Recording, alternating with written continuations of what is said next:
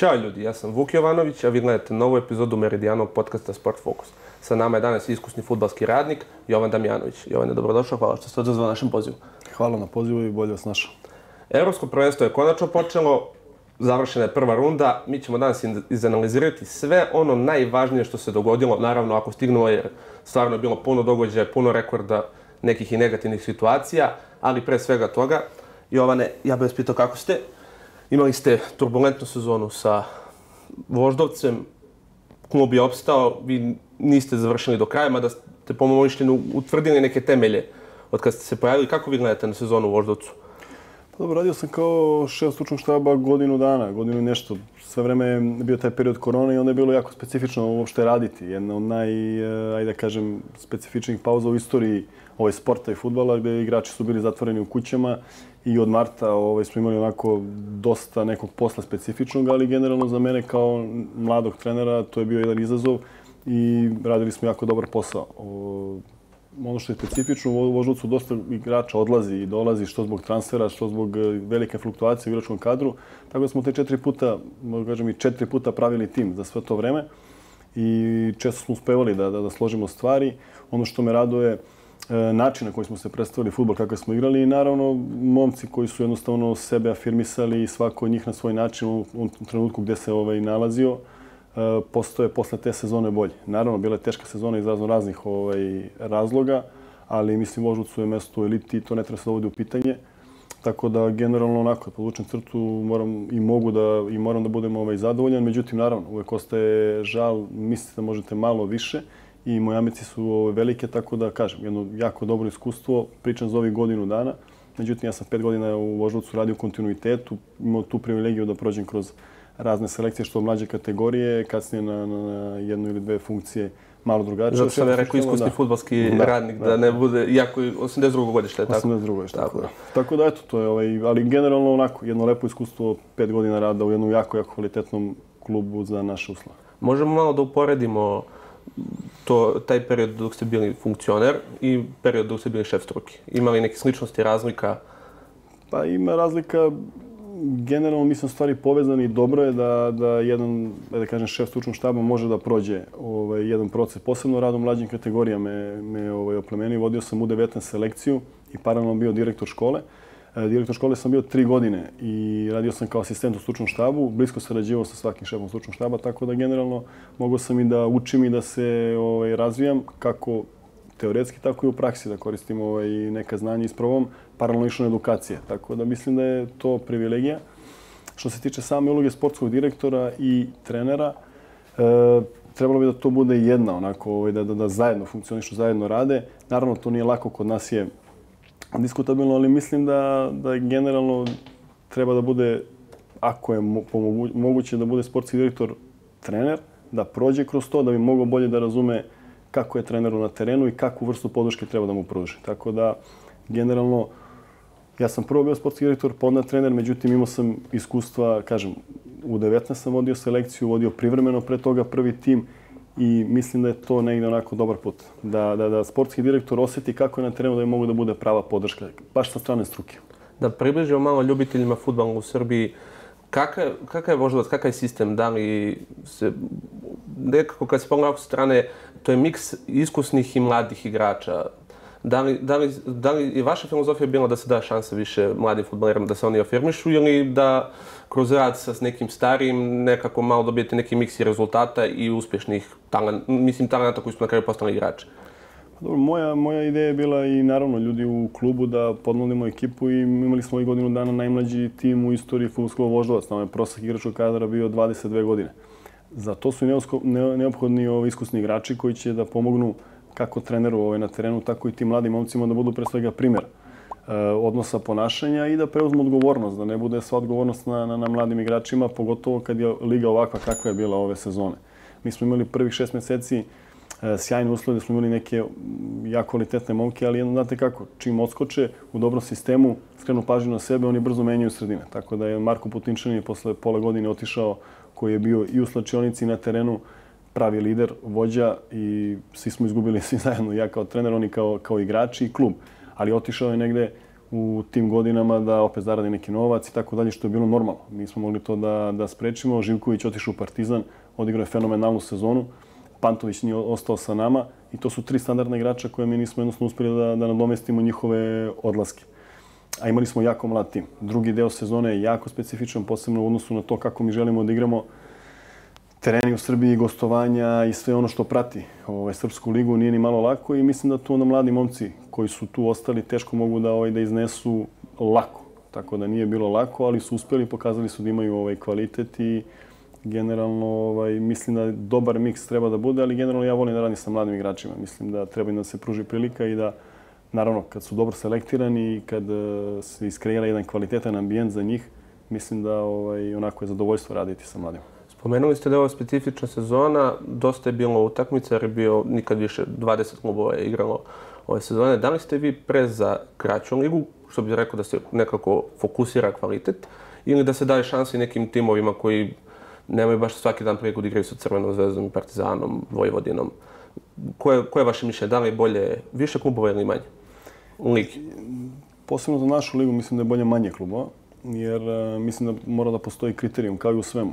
I to kod nas negde još uvijek nije definisano ni da li igrači, da li kako trener treba da se ponaša izgleda ili futbolski klub koje uslove treba da ispunjava. Tako mislim da je bolje da koncentrišemo kvalitet na manju, da li je liga od 14-12 ili e, nije, nije ni važno, najći ljudi koji su zadrženi za to kako je ovaj, najbolje da funkcioniše, ali mislim da manja liga može više kvaliteta da donese, da se ne rasipa ovaj, energija, a isto tako da se podigne kvalitet prve lige Srbije, jednostavno su ozbiljni kvalitetni klubovi mogu da igraju tamo i ne treba bežati od toga. E, kod nas je nekako izgleda znam, sramota ili nešto igrati drugu ligu, a druga liga treba da bude isto kvalitetna, profesionalna, ozbiljna i možda će čak i lakše da se mladi igrači negde tu prvo afirmišu pa da dođu na, na scenu.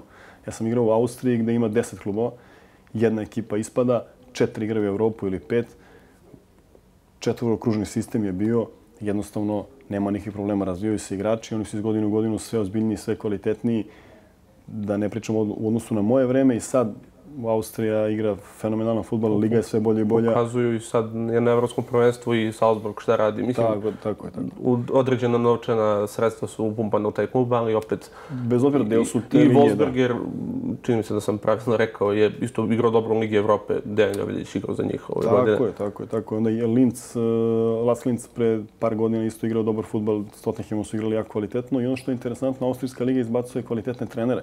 Imate dva trenera iz Wolfsbergera koji su otišla u championship. Da ne pričamo o trenerima Salzburga, to je jedan sistem koji je, koji je za sebe. Ali kažem, takva liga jedna je sve bolje i bolje i futbol je kvalitetniji ovaj, i nema nepotrebnog stresa. Znači jedna ekipa ispada, ok, treba neko da ispadne, ovi dole ući će ko je naj, najbolji, četiri ekipe igraju u Evropu, faktički onako svi imaju negdje za nešto se bo šansu. Da, da. da. Spomenuli ste da austrijski treneri rade u jakim ligama, jakim klubovima, što nije baš bio slučaj sa srpskim trenerima. Evo sad do Marka Nikolića koji je napravio značajan rezultat u inostranstvu nakon dugo godina. Zašto je to tako? Za, za, zašto naši treneri ne dobijaju šansu? Mihajlović levitira po Italiji, imali smo par, par trenera u Championshipu, ali nekako nema, nema u Ligi petice nekog trenera koji vodi jaku ekipu. Za, šta mislite, šta je uzrok to? Mislim da je osnovni uzrok u edukaciji, jednostavno u obrazovanju srpskih trenera, jer eh, ja poznajem kako to u inostranstvu, ovaj, eh, da li savez, da li organizacije koje postoje, jednostavno moguće mladim trenerima da se usavršavaju. I mislim da je to ključan detalj. Oni mnogo brže ovaj, dolaze do informacije. Mislim da smo mi talentovani. Mislim da imamo u Srbiji jako talentovane trenere, funkcionere, igrače. To nije, nije sporno, ali jednostavno sistem edukacije i obrazovanja je taka faktički ne postoji. I sam ovaj moment gdje mi vidimo da u ispada šesta ekipa, totalni stres u svakoj ligi je jednostavno ratno stanje. U tome niti možete da razvijate igrače, niti možete da razvijate trenera. Tako da mislim, jednostavno sistem koji ovdje postoji ne može da iznedi ni lakše igrača, zato što igrač dođe do jednog nivoa, ode u taj sistem jer jednostavno veće je tržište i onda oni nađu put, kao što je Vlahović, nije bilo pitanje. Taj nivo talenta, verujte mi, onako ne postane igrač, onda smo krivi mi, treneri. Samo što je on krenuo tim nekim putem, na vreme je otišao iz Srbije i onda ovaj, nastavio dalje gde je to prirodan put. Ali mislim da odatle kreće sve, to je moje neko viđenje. A koliko se izgubi igrača koji su krenuli isto putem Vlahovića? Jer dosta mladi odu u inostranstvo i negde nestanu. Da li je to zato što su prevremeno otišli da zarade neki dinar, koji objektivno nisu mogli? Da li u stvari preporučiti igračima da idu što pre ili da malo sačekaju? Da ne more baš na prvu da odu, nego da malo razmisle? Znate kako, bilo bi dobro da oni odu da budu spremni. Jer kada je to inostranstvo od samo jeziga nepoznavanja do emocionalnog stanja igrača, promjena sredine i tako dalje, nije ni malo lako. Da li je podrška porodice prisutna, ko vodi te mlade momke, njihovo okruženje, nije lako da se promeni sredina. Opet, s druge strane, kvalitet, ako ostane u Srbiji i nema kvalitetno okruženje, nema dobar rad, ne dobija pravu šansu, jednostavno nije kvalitetan pristup prema tom talentu, kakav god da je njegov nivo, on će ovde da, da stagnira, gubit će vreme i on u jednom trenutku vi imate od 18 do 21, 2 ili da kažem ajde, maksimum 3 godine za mlade igrače, šta god mu dajete, on kad je talent, ponudite mu, to se lepi. I to je period kad oni najviše napredu. Sa 23, 4 ili 5, naravno, i uvijek učite, možete budete bolji. Ali tu je negde već kasno i onda nema, nema pravila. Ali pošto u Srbiji nije idealno za, za razvoj mladih igrača, kad se za nekog talenta pojavi dobra, kvalitetna sredina, mislim da nije ovaj loše da se ode. Vidjeli smo Duća Tadić je otišao u Holandiju, da, napravio karijeru. Da ne nabrajam sad. Sergej Milković Savić. Da, tako. Malo, on je malo u Vojvodini. Malo u Vojvodini, da. Posle ali, toga je otišao Kažem, negde ti kvalitetni sistemi ljudi znaju kako s tim mladim igračima radi. Zato su naši igrači talentovani od 17, 18 do možda 21 godine. Jer oni znaju da to nisu gotovi proizvodi, nego oni će svojim radom, iskustvom i znaju šta je potrebno za razvoj jednog mladog igrača i onda će dobiti proizvod koji vredi sad kao što vredi Vlahović ili Tadić, tako dalje. Da li vam se sviđa ovo pravilo da mora na terenu da bude dva igrača do 21. godine, čini mi se, u Superligi? Da li to može da poboljša malo, baš o ovome što smo pričali, da igrači ne budu tako mladi, a opet da dobiju nešto u našoj zemlji? Razumem. Znate kako, ja kažem iz prakse kod nas, mi smo imali 13 bonus igrača i to su igrači bili od po 17 godina, 18, tako da mi nismo imali tih problema. Naša filozofija je bila ta. Međutim, mislim da je dobro pravilo iz jednog razloga i s druge strane, naravno, ne treba uzimati zavod za gotovo.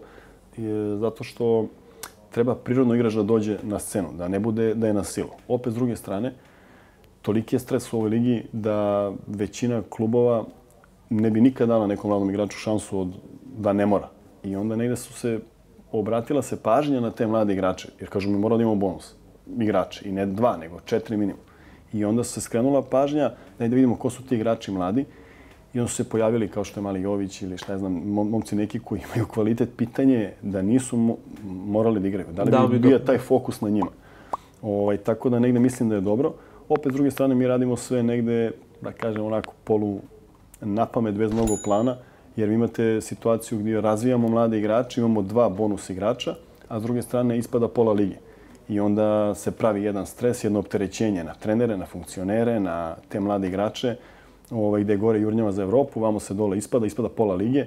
Tako to negdje, videli smo šta je bilo u poslednjem kolu potpuno ludnica. Da, i onda iz tog razloga negdje opet dobijemo neprijednu situaciju. Sad ti mladi momci su u nekom polu stresu, ljudi koji vode klubove ili treneri isto kažu mora stavim ovog, vamo mi je rezultat zavisi, ne znam, i tako dalje, i tako dalje. I onda dobijemo jedno, hoćemo da razvijemo mladog igrača, ali u jednom ambijentu koji nije ovaj, suštinski zdrav. Da, tako bez angažmana ste trenutno, da li ima nekih ponuda, da li ima nekih priča, da se nešto nečemu razmišlja? Pa ima, ima, ovaj, ima i razgovora i priča, uglavnom na pred kraj same sezone ovaj, bilo je, ali generalno ne bih da, da, da žurim, naravno ne, ne želim da pravim pauzu dugo, ali ne bih da žurim. Razgovarao sam sa jednim klubom iz naše lige, nismo uspeli da se dogovorimo na kraju, ali klub je onako ostio na meni jako dobar utisak, vidim da imaju viziju, razmišljaju u nekom smeru koji je interesantan za mene, tako da i ja onako strpljivo čekam sredinu gdje ja stvarno mogu nešto da, da donesem, jer nije ni svaka sredina za mene da mogu da pomognem tamo. Pa, baš iz ovog razloga što sam pričao da se ne pogreši, da bi bilo sve, da bi bilo sve uspješno. Ja bih sada prešao malo na evropsko prvenstvo. Prije samih utakmica, pitao bih vas za opšti utisak nakon godinu dana pauze, turbulentan period, za nas godinu, godinu i po dana. Da li, da li ste jedva čekali da gledate kvalitetan, dobar futbol? Svi, sve zvezde evropskog futbola na jednom mjestu, mislim, skoro sve neki zbog povreda objektivno nisu to. Pa jesam. Prvo da dođe da bar, ajde da kažem, prividno koliko toliko normalizacija da, da osjetimo neko veliko takmičenje. Drugo, mislim da generalno ima mnogo dobrog futbala bez, bez evropskog prvenstva, premier liga i sve ostalo što se nudi u Ligi šampiona za nas, sportske futbolske radnije, posebno za struku, je privilegija da, da možemo svaki vikend ili da ne kažem i u toku, toku nedelje da gledamo pregršt kvalitetnih utakmica. Ovaj, ali samo evropsko prvenstvo onako daje neku drugu naboj i emociju, tako da stvarno se radujem i onako lepo je ovaj, da, da, da, da možemo da pratimo svaki dan po dve ili tri utakmice. Ostavilo nešto utisak na vas? Pa na mene onako negde pozitivno da krenemo. Ono što, što je najjači utisak za mene, italijani koji su ovaj, odigrali protiv Turaka utakmicu, Tamo je to i prva utakmica, tamo da, je to možemo... Da, prva utakmica. Reći ću negde iz, iz nekoliko razloga. Prvo što nisam ni znao, vi bolje imate te informacije da oni 27 utakmica nisu izgubili ili, ili, ili tako nešto. Nisam pratio Od kad je Mancini došao... Da. Nisam pratio te ovaj, kvalifikacije, da kažem. E, Drugo, Mančinija poznajem ranije, njegov način rada. Nisam, nisam očekivao da će ovako da izgleda njegova ekipa. Stvarno su izgledali spektakularno u svim fazama igre. Jasno se vidi šta hoće da rade. Vidjeli smo da italijani su promenili filozofiju samim dovođenjem u par kvalitetnih trenera. Prvi je Sari negde pokrenuo taj ofanzivan futbal i, i način na koji, koji se igra u Italiji. Drugo, par igrača, trener sa Suola koji ima dva reprezentativca u prvoj postavi. Um, Lokatelli i Berardi. Da, da Lokatelli i Berardi. S druge strane, u Juventusu isto mlad trener Pirlo koji je promenio ovaj Juventus, onako nije onaj Juventus koji smo ovaj, gledali ranije. I onda sama Italija mi izgledala fenomenalno, gdje smo vidjeli Bonuća koji je bio više na, na polovini Turaka nego na svojoj polovini.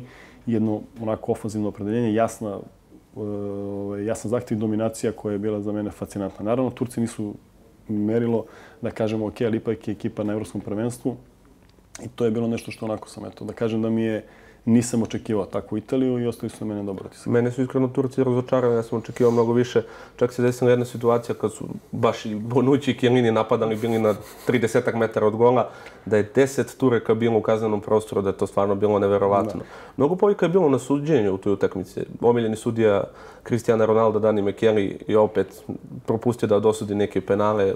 Da li ljudi kao sad imaju pomoć vara, ali kao ponekad deluju sudi kao da ne žele da ga iskoriste, kao da im je to ispod časti. Ne znam da li ste vi to primetili da je... Da, preuzimaju na, na sebe. Mm, mm, šta znam, taj var u dobro, dobrom delu je, ovaj, može da pomogne. Opet bilo je situacija da jednostavno imate i var i desi se greška. Da pogledaju i var i ovi dosude na, na drugi način. Opet kriterijum je negde Nije definisano. Mi ne znamo da, nije jedno, da li je ruka ili nije, jednostavno opet i var. I ovo i na kraju sudija odlučuje da li je to ruka ili ne. Nisam gledao te situacije, stvarno ne znam, ne, nisam ispratio. Međutim, imao sam par dobrih odluka, posebno mislim da je utakmica bila e, Portugal-Mađarska. Dve, tri situacije bile fenomenalne, gdje da li može penal, ne, ali dobra intervencija defanzivaca, onako je na granici, sudija bio blizu i nije, nije dosudio ovaj penal. Juče Nemci i Francuzi isto bila jedna Као спорна ситуација, ал судијето добро видов. Мелсни е Kad, kad Mbappe iz jedno 10 metara prvo zaostao, pa onda prestigo Hummels, uzeo loptu, istrčio ispred gola, ali Hummels je fantastično reagovao. Tako je, upravo tako, tako, tako, sjajno, fenomenalno, fenomenalno. I jedna vidimo onako dve stvari, odlična intervencija ovaj, uh, sudija Mira negde u fokusu, nije ga ponelo. Pratio situaciju, da. iako, mislim, opet je to Mbappe, ali opet ne možeš da očekuješ da na jednom vrhunskom nivou čovjek pretrči 10 metara i da, kao da, da, se da. ništa nije dogodilo. Ne, uh, italijani, italijani su, da se vratimo na italijane, oni su, prvi put mi je delo kao da nemaju izrazite zvezde, uh mhm. -huh. da su kao pravi tim jer ne može da se kaže da su Čiro i Mobile i Lorenzo i Sinje neke superstarovi, oni igraju u vrhunskim klubovima, ali nisu baš superstarovi evropskog i svetskog futbala i da možda ovaj put imaju recept da dođu do same završnice ako su propustili prethodno prvenstvo. Drugu utakmicu u toj grupi, Vels Švajcarska, 1-1. Mene malo Švajcarska tu iznenadila u negativnom smislu, jer sam ja očekio mnogo više od njih, pogotovo Velšane koji su došli bez prvog selektora zbog problema sa zakonom. Kako ste vi vidjeli tu utakmicu?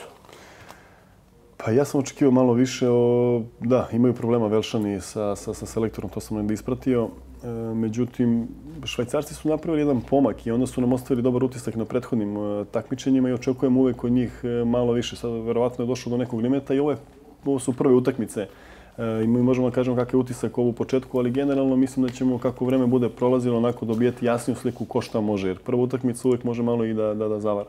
Ali prva utakmica može do, mnogo toga i da odluči, budući da se igraju samo tri. Što se tiče plasmana, Da, sigurno, to- to. nego negde utiska samog, šta oni Da. mogu, to je, to je onako diskutabilno, ali kažem, jedna utakmica koja nije na mene ostavila poseban ovaj utisak, pričam sa strane, Da, da, da, kažem, jasno. onako futbolski. Po vašem mišljenju, koje, koje dve reprezentacije mogu dalje iz ove grupe? Pa dobro, Italijani i po ovaj drugi, ajde, Švajcarci ili Velšani? Pošto Turci baš po ovom prvom igrom Turci, da, da, da, Ne daleko, ajde, ja ću kažem Velšani neka, neka, onako da im damo malo vetar u leđa. Dobro, grupa B, prva utakmica Danska-Finska, utakmica koja će biti zapamćena ne po istorijskoj pobjedi Finaca, nego po nesrećnom slučaju koji je na kraju ipak sve se dobro završilo. Sad mnogo je ostalo u kontroverziji. Danci se žale da su bili ucenjeni. Da li to, da li je to, mislim, možda grubo zvuči, ali nije neočekivano od UEFA. Show must go on je morao, znači to je bilo neminovno da se će se utakmica nastaviti, ali da li, kako vi gledate, da li je trebalo da se nastavi? Da li je trebalo da se prekine možda? Ne mogu da, da, da procenim. Mislim da u takvim situacijama, posebno što smo dobili informacije da je, da je, da je on dobro, da, da, da je sve negdje, da kažemo, stabilno, nije loše da se, da se ide dalje. Zbog samog ambijenta i svega, slažemo, dešava, dešavaju se takve stvari, ali stvarno život mora da ide ovaj, dalje. Nije lako igračima bilo, ni jedne ni druge ekipe. Ja verujem ni da, ni da protivnicima nije bilo lako, posebno kod gola. Ovaj Finac vidite reakciju onog momka koji reaguje prirodno, to je vaspitanje ovaj, tih momaka. Mi bi mogli onako malo i da, da, da učimo šta se dešava trenutno u svetu i ko su primjeri i kako su uopšte futboleri izgledaju, kakve poruke šalju. Ali kažem, sigurno nikom nije, nije bilo prijatno. Ovaj, ja, šta znam, ja sam imao isto onako jedno iskustvo i kao igrač i izgubio sam druga na terenu pored mene, tako da ono kad sam video nije, Neprijatna slika. nije jednostavno je neprijatno, ali kažem fenomen, ne, neverovatno i fenomenalno da, da, da se vratio, ovaj, da se, da se vratio su doktori uspjeli medicina da reagovala jako dobro jer sigurno ni ne znamo šta je, šta je tačan uzrok i gde to sve može da ide. Kier je odigrao tu ključnu ulogu, on je bio, kapiten bio najprisebniji kad Da, je bilo najpotrebnije. To je stvarno, stvarno za svaku pohvalu. Tako jednoj ludnici igrao si prvo 20 i nešto minuta futbala i onda tako odreagao što je stvarno potez za svaku pohvalu. On je možda i pokazao tu, tu zašto u stvari da ne nosi samo traku, nego je kapiten, da, kapiten, kapiten van onako sa razlogom. Da. To, to je što postoji kod nekih ljudi gde se vidi da su kapeteni u životu, da nije samo da nije slučajno da su lideri, da imaju samo i samo te neke njihove sposobnosti ako se oni ne nameću isplivaju polako. Druga utakmica koja je po mom mišljenju u ovoj grupi koja je mnogo otkrila, Belgija i Rusija, po mom mišljenju otkrila da su Belgijanci došli da osvoje, a Rusi su došli da se pojave. To tako mi je nekako izgledalo, pošto 3-0 i to baš laganih 3-0, isto ko Rusi su malo odigrani kao Turci. Nikak, nik- nikakve reakcije, ništa. Ja sam očekivao posle onakog dobrog svetskog prvenstva da će da pokazati reakciju i sada, ali mislim da to nije usledilo. Kako vam se čini Belgija? E, Belgija je onako jedna ekipa koja već duže vreme pratim i raduje me kako izgledaju. Ono što je njihova najveća snaga, naravno, sistem koji, koji funkcioniše kod njih jako dobro i igrački kadar koji je ovaj dobar, ali i jedan kontinuitet u samoj reprezentaciji. Mi vidimo Od da, mlađe kategorije. da i samog rada, ali kažem i igračkog, igračkog kadra. Vidite da se ekipa ne menja mnogo, bar moj utisak, možda ti si bolje ispratio, ali generalno to je ekipa od prošlog prvenstva što smo gledali, primjer, Prošlo, prošlo dva. prošla dva, da nema, nema velikih ove razlike. To je neka ozbiljnost, naravno, zahtev koji imaju. I uvek te ekipe negde, naravno da su slabije, i Rusi, i Turci, što smo gledali, ali mi se moramo da negde da uzmemo i kvalitet protivnika, način na koji oni njih pritiskaju. Kad kažemo da su Turci bili sa 10 igrača u 16 metara, nisu oni toliko želeli da budu sa 10 igrača koliko su ih ovi naterali. Ovaj, tako da negde s te strane, ok, Rusi naravno da nemaju kvalitet, ali mislim da su tu Belgijanci e, pokazali jednu snagu, silu, pitanje koliko mogu daleko, ali nije slučajno da su prva reprezentacija na, na svetu. Da li je ovo za njih poslednja šansa da osvoje nešto? Mislim, ako smo rekli da su već prisutni na velikim takmičenjima, opet su malo godinama i stalno se od njih očekuje e, evo sad će, evo sad će. Da li je ovo sad, da li je došlo vreme da uzme? Biće teško, pošto imamo Francuze i ovu ekipu koja je isto rešena da uzme, ali je fenomenalan moment, jer Lukaku igra možda najbolji futbal do, do, do sada, što ga gledamo, mislim da igra najbolji futbal, a Zarni u nekoj formi, ali može da se ovaj, slaže i mislim da su kao ekipa sazreli. Dugo rade ovaj, zajedno i mislim da im je to u stvari najveća snaga. Jer ono što oni pokušavaju sve vreme, to je stvarno ozbiljan modern futbal i tu nema dileme. Ali Total, totalni futbol. Da. Samo, na, samo napad, napad, napad, napad. Pretpostavljam Belgija ovde, po vašem mišljenju, ide dalje. Uz njih hoćemo dance na nekom... Da li mogu da se podignu na nekoj energiji Eriksena koji rekao igrajte za Dansku ili su tu ipak Finci kao iznenađenje da prođu dalje? E, pa ja to ja bih volio da prođu Danci, ovaj, jer onako mislim da su i kao nacija ti skandinavci onako imaju neki dobar stav i sećamo se 90. godina kako su reagovali kad su bile one sankcije i ono i negde eto, volio bih da, da Danci budu tim. Ne bi se složeni ljubitelji futbola s ovim prostorima, pogotovo zašto su otišli mjesto nas. Grupa C donosi nam još jednog debitanta, to je Makedonija koja je igrala protiv Austrije, izgubila je 3-1, ali dobro se pokazala. Nisu, nisu razočarali. Pokazali su da mogu da se nadmeću. Nisu razočarali i ovaj, negdje mi je drago da je Pandev postigao taj gol onako Drugi najstariji strelac da, u istoriji. Da, drugi najstariji strelac i postigao gol onako šalje sjajne neke lepe emocije dole kod, kod njih i mislim da šta god urade, kao god da se predstave da je to za, za Makedoniju onako jako, jako lepo i drago mi su dali gol. Pričali smo o austrijskom futbalu. Kako vam deluje reprezentacija Austrije? Austrijanci su mi onako, dosta su mi se svidjeli, ovaj, fleksibilni su, mislim da ima Laba daje onako neku notu posebnu. Ovaj, naš momak Kaleđić, e, posljednje vreme njega prati malo više i onako... Sad mu sledi, koliko sam čuo, transfer se sprema neki veliki... Da li Veski, nek, ne, premijer liga neka. Da, da, da, prati ga, prati ga, više klubova ga prati, mm -hmm. ali digla se prašina ozbiljno oko njega. Jako interesantan, on je visok, skoro dva metra i pričao sam s prijateljima iz, uh, iz Austrije i u mlađim kategorijama igrao stalno, on je bio vezni igrač, nikad nije igrao napadača i došao u prvi tim Admire i trener koji je tad uh, bio, došao na ideju da ga oproba u napad. Odigrao jednu, dve utakmice, tako je to krenulo i evo ga vidimo ga sada ga porade negde sa, sa Haalandom i onako sposoban je dobra tehnika, ima smisao za igru, lako rešava stvari, a visoki je 2 metra. to je jako visoko 2 metra, što za futbalere je to baš velika visina. Da, imamo tri naša tamo igrača, da kažem tri, četiri, sve su sa naših prostora, tako da Austrijanci su mi bliski, ne samo što sam ovaj da kažem igrao tamo, nego i ovako i igraju jedan atraktivan, zanimljiv futbol. Holandija i Ukrajina možda i najzanimljivije na u ovom, ovoj prvoj rundi. Holandija je pokazala jednu klasu prvih 50-60 minuta. Ukrajina je pokazala da ima vrhunskog selektora. Kako ste vidjeli tu utakmicu? Pa u Ukrajinci da, sa Ševčenkom on je negdje možda od tih trenera koji, koji dolaze budućnost tog svetskog e, futbala u što se tiče struke. E, Holandjani uvek igraju dobro, atraktivno. Pokazali su i slabosti koje imaju posebno u toj nekoj tranziciji po gubitku lopte da su da su ranjivi, ali vidjet ćemo šta, šta donosi vreme. Onako, mladi su dobri. Čudna formacija. Oni su sa pet pozadi igrali i to, ali opet njihovi štoperi su stajali na 30-40 metara od gola protivnika. Bilo je stvarno, stvarno bilo... Dobro, preno... dobro, kvalitetno, da. da, da. Slažem se i dosta i kod Ukrajinaca vidi se da onako da, da, da se bave, da rade, nisu, ne, ne liče na Ruse, na primjer, ili, ili ove Turke, da kažemo, ok, slabi su, nemaju ništa da ponude, nego onako Ukrajinci biće, biće zanimljivo. Samo pad koncentracije se desio, to možda mogu da prokomentarišemo, izjednačili su na 2-2 i bukvalno su u sledećem napadu primili go. Šta se desio u tim momentima? Sećamo se kad je Srbija povela protiv Brazila 2015. godine za mlade na Novom Zelandu, kako Veljko Ponudić odmah rekao, pazi, koncentracija. Šta se desio u tim momentima? Da li se igrači opuste? Kako uopšte može da dođe do opuštenja u tim situacijama? Pa dobro, to je sigurno na nesvesnom nivou. I mislim da nije opuštanje, nego negde, ok, e, emocije su velike, pritiskate negde kad, kad, kad gube, ok, izjednače ili daju sve od sebe, nagon je veliki, onda kad se to desi negde, uf, malo onako plasne i, stalno ste, i onda negde se možda malo tražite zonu komfora i uvek trener pokušava negde da zadrži igrače do kraja ove budne, jer u tom trenutku može da se desi do, do, do, do pada koncentracija. Naravno je ekipa koja ide u napad, znaju da nema mnogo vremena, vodili su, primili, daju poslednje ono što imaju i tu se spoje negde dve, ove, dve stvari. Ovi koji guraju maksimalno holandjani, koji hoće da, da, da, da jednostavno misle da im pripada pobeda po svemu što je bilo na terenu. I naravno ekipa i neke stvari ne možete kontrolišiti. Jednostavno nekad je protivnik taj koji vas natera na, na, na to. Iz ove grupe prepostavljam Holandija i Austrija po ovome što sam imao prilike da čujem. Ja, je, tako bi volao sad. To, E, grupa D, prva utakmica Engleska-Hrvatska.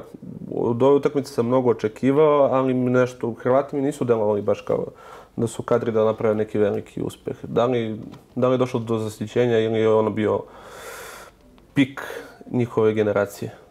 Pa ja mislim da je ono bio pik sigurno, oni su ozbiljna i dalje selekcija. A, mislim da su Englezi ako ozbiljni, ne bi smeli da negde ih onako vidim da nisu u prvim, prvim favoritima. Oni su po kladionicama prvi favoriti, bili barem pred početak Aha. šampionata, ali ne znam, meni, ja i Oni dalje su pričam, tim, da, oni su meni mladi. njihov vezni red i dalje nije, ne, ja ono ne mogu da, vezni red koji nekad imao Gerarda i Lamparda, sad mi to nešto Dobro, ima smisla, da. sa Declanom Riceom. I Filip, mada Philips me demantao, Philips je odigrao iz lica, Aha, je odigrao fenomenalnu utakmicu, spakovao gol Sterlingu.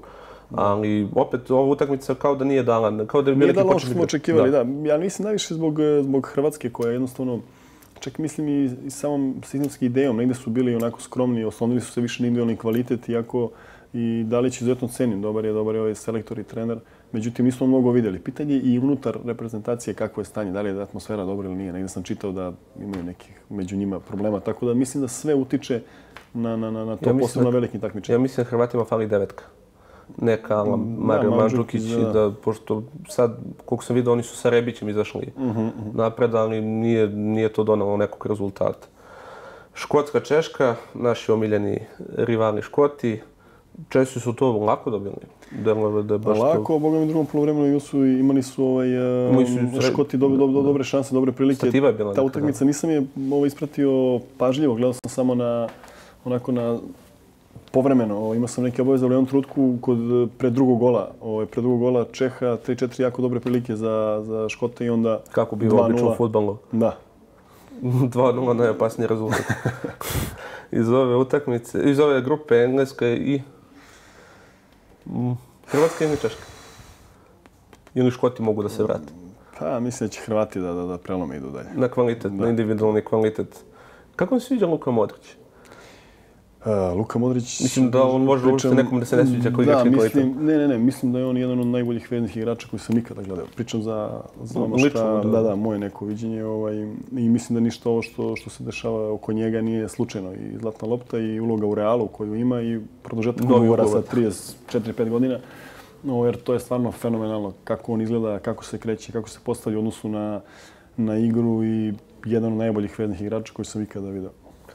Idemo grupa E, Poljska, Slovačka, to je možda i kao najveće neko iznenađenje na turniru. Poljaci su odigrali dosta mršavu utakmicu Lewandowski kao da je ostao bez goriva. Da li je uticala naporna sezona ili šta, ali Slovaci su to rešili u svoj korist 2-1. Opet bio je autogol, bilo je, ali i sreća mora da se zasluži. Kako je vaše mišljenje? Da, pa dobro, to oni su i negde i blizu, onako, to je bio neki njihov derbi.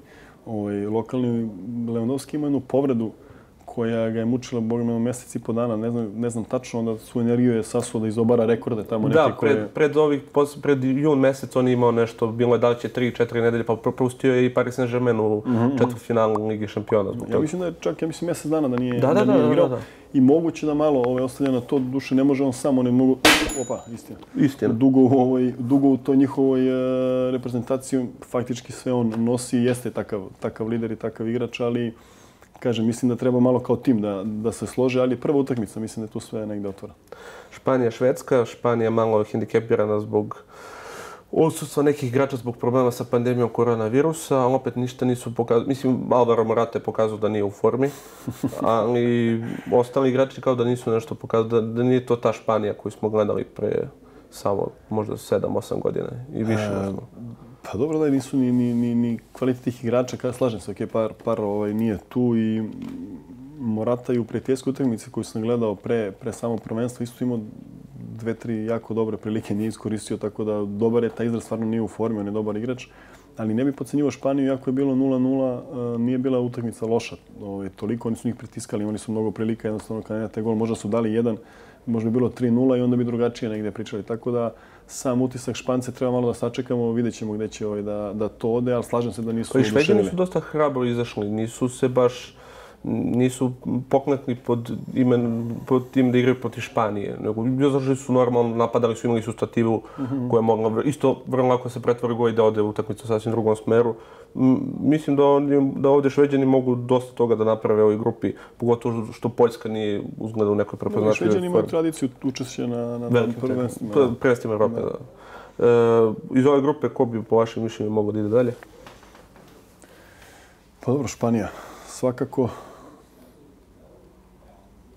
Šveđane da, da ubacimo na, na znači, pr, znači, ta utakmica, da, Šveđani su, moramo da pomenu da oni igraju bez svog, pa ne znam kako to da nazovem, prvog čoveka, jedinog kralja, Zlatana Ibrahimovića, što je svakako veliki hendikep, jer on čovjek, on je baš pokazao ono što su pričali za Kjera, da je on pravi vođa, pravi lider, da on Tako, njih povezuje.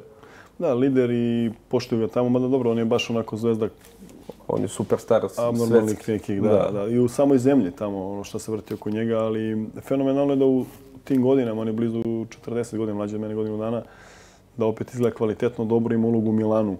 Gde vi kanalizirate Milano, dobro je da ne igra Ibrahimović ako je povređen ili nešto, tako da i u 40 godina. Pa, kad je Milan dolazi u Beograd, bilo je, nije Samo bilo dolazi Milan, nego dolazi Ibrahimović. Da, i dobro, dobro je ako ne igra. Da, da, da, to. Prelazimo na grupu F, Francuska, Nemačka, Portugal, Mađarska. Na, mo, ja sam, mislim da ovdje su Mađari zakinuti za jedno iznenađenje, jer su stvarno fantastično izgledali. Nošeni publikom, publika se vratila na punom kapacitetu, bilo je fenomenalno, ali Portugal je pokazao klasu koje... Mislim, čini mi se da nikada nisu imali ovoliki broj kvalitetnih igrača u poslednje vreme. Posljednjih deset godina, sigurno. Slažem se, da. I Mađari hrabro, da, nošeni publikom i samim ambijentom u zemlji. U Mađarskoj jednostavno futbal broj jedan tema od njihovog predsjednika koji voli futbal i stvarno sve, sve radi da od infrastrukture same organizacije bude na jako visokom nivou. I oni su trenutno na maksimumu nekom svojih mogućnosti i osjetila se ta energija na terenu, ali jednostavno, kažem, mnogo je važno da vidimo ko je protivnik i jednostavno koliko god neka ekipa htjela da, da se suprostavi, mnogo je do protivnika. Tako da juče Portugalci prvo polovreme pritiskali su, nije bilo lako, drugo su, kao što si rekao, rešili. Posljednjih 10 minuta Cristiano Ronaldo je borio rekord evropskih prvenstava po broju golova. Pre, mislim, on je bio izjednačen sa Platinijem, mm. koji je to uradio sve za jedno prvenstvo, što je isto nevjerovatno. Da. E, da li pokazuje još jednom da je jedan od najvećih? Ako možda po nekima, po nekima i najveći. Tako je, to je ovo što on radi, ajde da kažem, još jedan ili dva igrača. I dobro je da, da, da su negdje u ovo naše vreme, da ne moramo da slušamo njima, nego da možemo stvarno da ispratimo uh, nenormalan nivo. Nenormalan nivo, mnogo je teško da date gol u kraju kad igrate sa, sa, sa društvom, a ne na ovakvom nivou sa ovakvim ljudima i da to stalno ponavljate. I što je kod njega, on šaje fenomenalne poruke, pre svega velike profesionalaca, a s druge strane... Videli smo na konferenciji za medije šta je uradio zdrav život pre svega. E, a drugo, uvijek ima tu glad.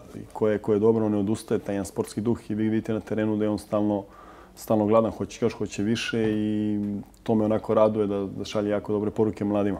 Čovjek od 2004. igra za nacionalnu selekciju, bog, pogotovo kao da, kao da nikad nije rekao ne. Da, I, da. I onda...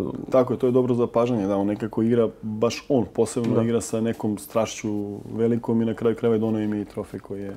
Možda su mu baš zbog toga, zbog te, kako bi se rekao, koji nema, nije imao mrlju reprezentativne karijere, pa su se baš uhvatili za onu traku posle Srbije što je bacio, da li je to nepoštovanje, poštovanje. Kako vi gledate na taj potes?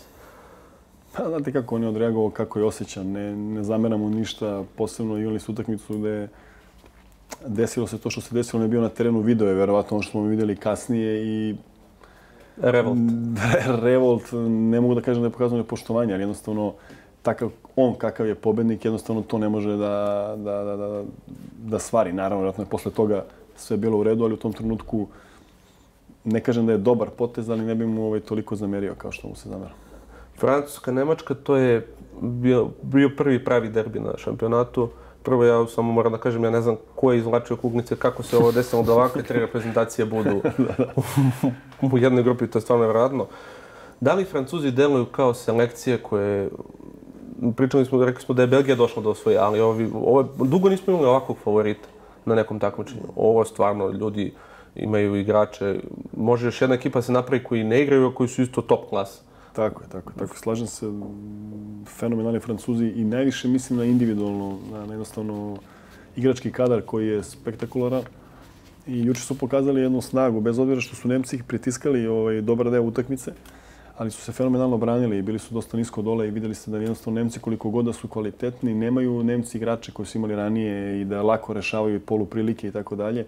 Međutim, oni su se branili jako ozbiljno i ono što je važno, kad su nisko, oni su znali kako gore istračavaju te kontre ovaj, bili su stalno opasni, opasni kad dolaze gore. Vidimo Benzemu, Benzemu koji onako dobro deluje, ne dodiruje zemlju i mislim da je on onako dobar jedan potez povratka ovaj nazad. Poslednji su... on je pet, pre pet i po godina posljednji put igrao za Francusku da. do prvenstva, mislim do ovih pripremnih utakmica. I... Mi, tako da ozbiljno su izgledali. S druge strane, Nemci nisu u, u momentu u nekom ko mislim da dolazi novi selektor. Ovaj, Oni su posle, u teškom onako, nekom padu, padu i smena, verovatno i generacija i još uvijek, mislim da će tek od, od naredne sezone ovako polako da, da, da hvati u ritam.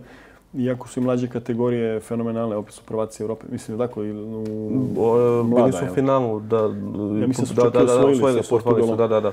Tako da Nemci što se tiče samo futbala, kod njih tu nema nikakvih problema i vidimo njihove trenere da vladaju svetom, tako da tu nema nikakvih problema, ali sama A reprezentacija onako posle niza uspeha mislim da su onako... To smo spomenuli kod Hrvate, ja mislim i da njima fali devet. Oni su, nekako je delalo su posljednje godine sve uložili u tima Wernera, mm -hmm. koji za sada, opet, on je i dalje mlad, ne daje tako željene rezultate. Mislim, ne, ne ispostavlja taj broj golova koji se od njega očekuje, kao što, na primjer, Miroslav Klosa radio za reprezentaciju. Da li je to možda neki veliki pritisak kad si tako projekat jedne, jedne takve reprezentacije kao što je Nemačka. Pa zbog toga ima te promašaje koje su sad već postali kultni na društvenim mrežama.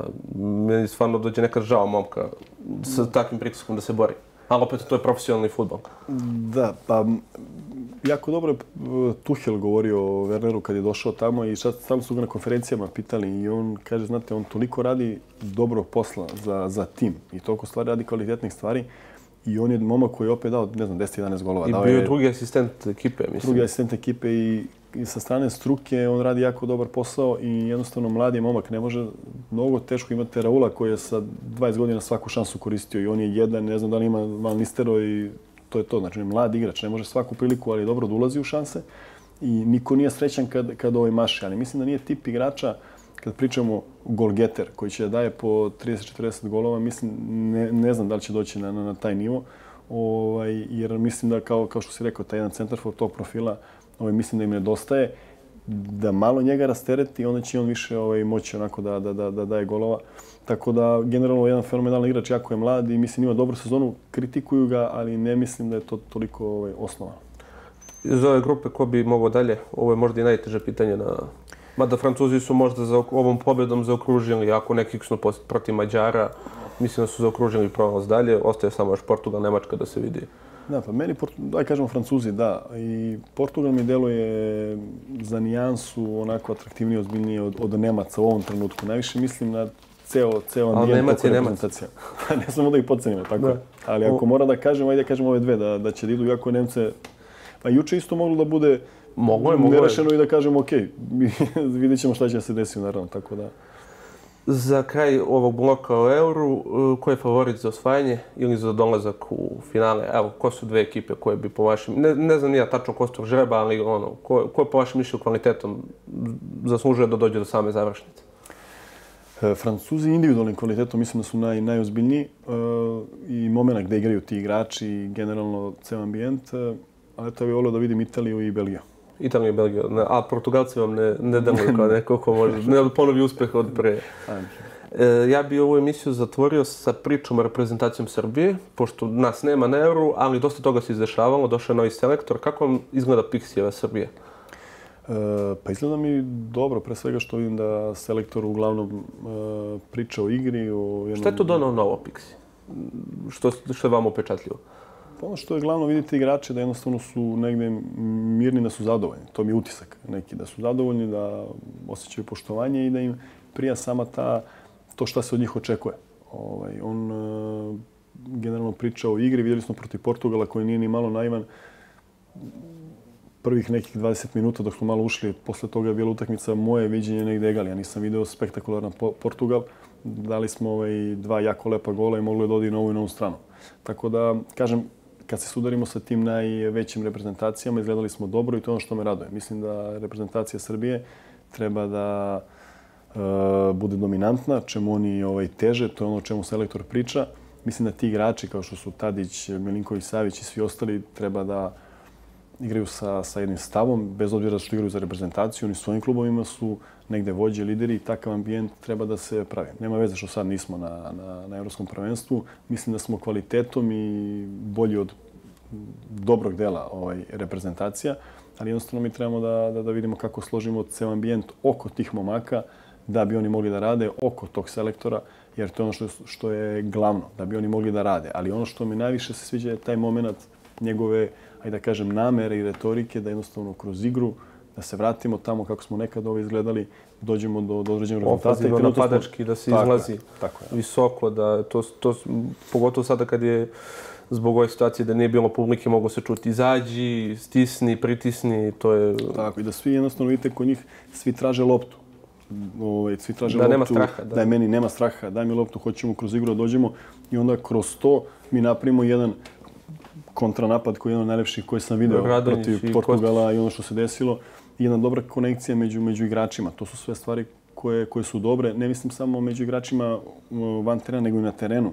Ovo je dobra saradnja, tandemska dva ili tri igrača koji se ovaj, kvalitetno tamo uh, uvezuju i negde me raduje. Ne znam dokle će to da, da ide, jer jednostavno sve okolo nije, ovaj, jako nije dobro. Jako Da, ali kad gledamo u reprezentaciju, nije samo selektor ili igrači, nego mora pogledati malo i širu sliku. To je, ali meni nekako deluje kao da Pixi je nekako zaštitio tu atmosferu oko reprezentacije, da se, iako su dešava svašta u Futbolskom savezu, da je atmosfera i dalje netaknuta i da je to sasvim dobro izgleda za sada. Naravno, to se sve, na kraju se meri da si dobro radi posao ako si se plasirao na veliko takmičenje ili nisi, ko što se i dešavalo prethodnih. Ono što je, mislim, dobro, ne veze samo njegova igračka karijera ovaj, Pixijeva, nego i eh, on je bio predsjednik Saveza, predsjednik Crvene zvezde i bio, bio je funkcioner. I mislim da uloga šefa slučnog štaba danas nije samo trener trener to je jedan deo, imate rad na terenu i to je, to je jedan deo, ali suštinski te menadžerske sposobnosti, liderske, i ovaj, on je pokazao da gdje god je radio i u Savezu, radio je dobro, u Crvenoj zvezdi radio jako dobar posao i posle toga naravno kao trener e, na Go, Kina, Japan i tako dalje. Ali mislim da dolazi sa tim jednim stavom gde je osetio o, funkciju, radio dobro i onda mislim da može da nosi sve to na način taj na koji trenutno ovaj, nosi. Mi želimo našim orlovima svu sreću da se nađu na svetskom prvenstvu. Mi za vas imamo jedan poklon za sam kraj emisije. Hvala što ste bili naš gost i što smo na ovako divan način izanalizirali ovo, ove sve neke vama. stvari i nadam se da ćemo ponoviti ovo gostovanje, pogotovo kad sve rešite oko angažmana i to da još ovako sedamo popričamo, ovo je stvarno bilo fenomenalno. Bilo mi je zadovoljstvo i hvala vam na pozivu, vidimo se prvom prilikom. Jedva, jedva čekam. Ljudi, to je bilo to. Vi obavezno like, share, subscribe ako hoćete još ovako kvalitetnog sadržaja, a mi se vidimo i naravno u četvrtka. Veliki pozdrav!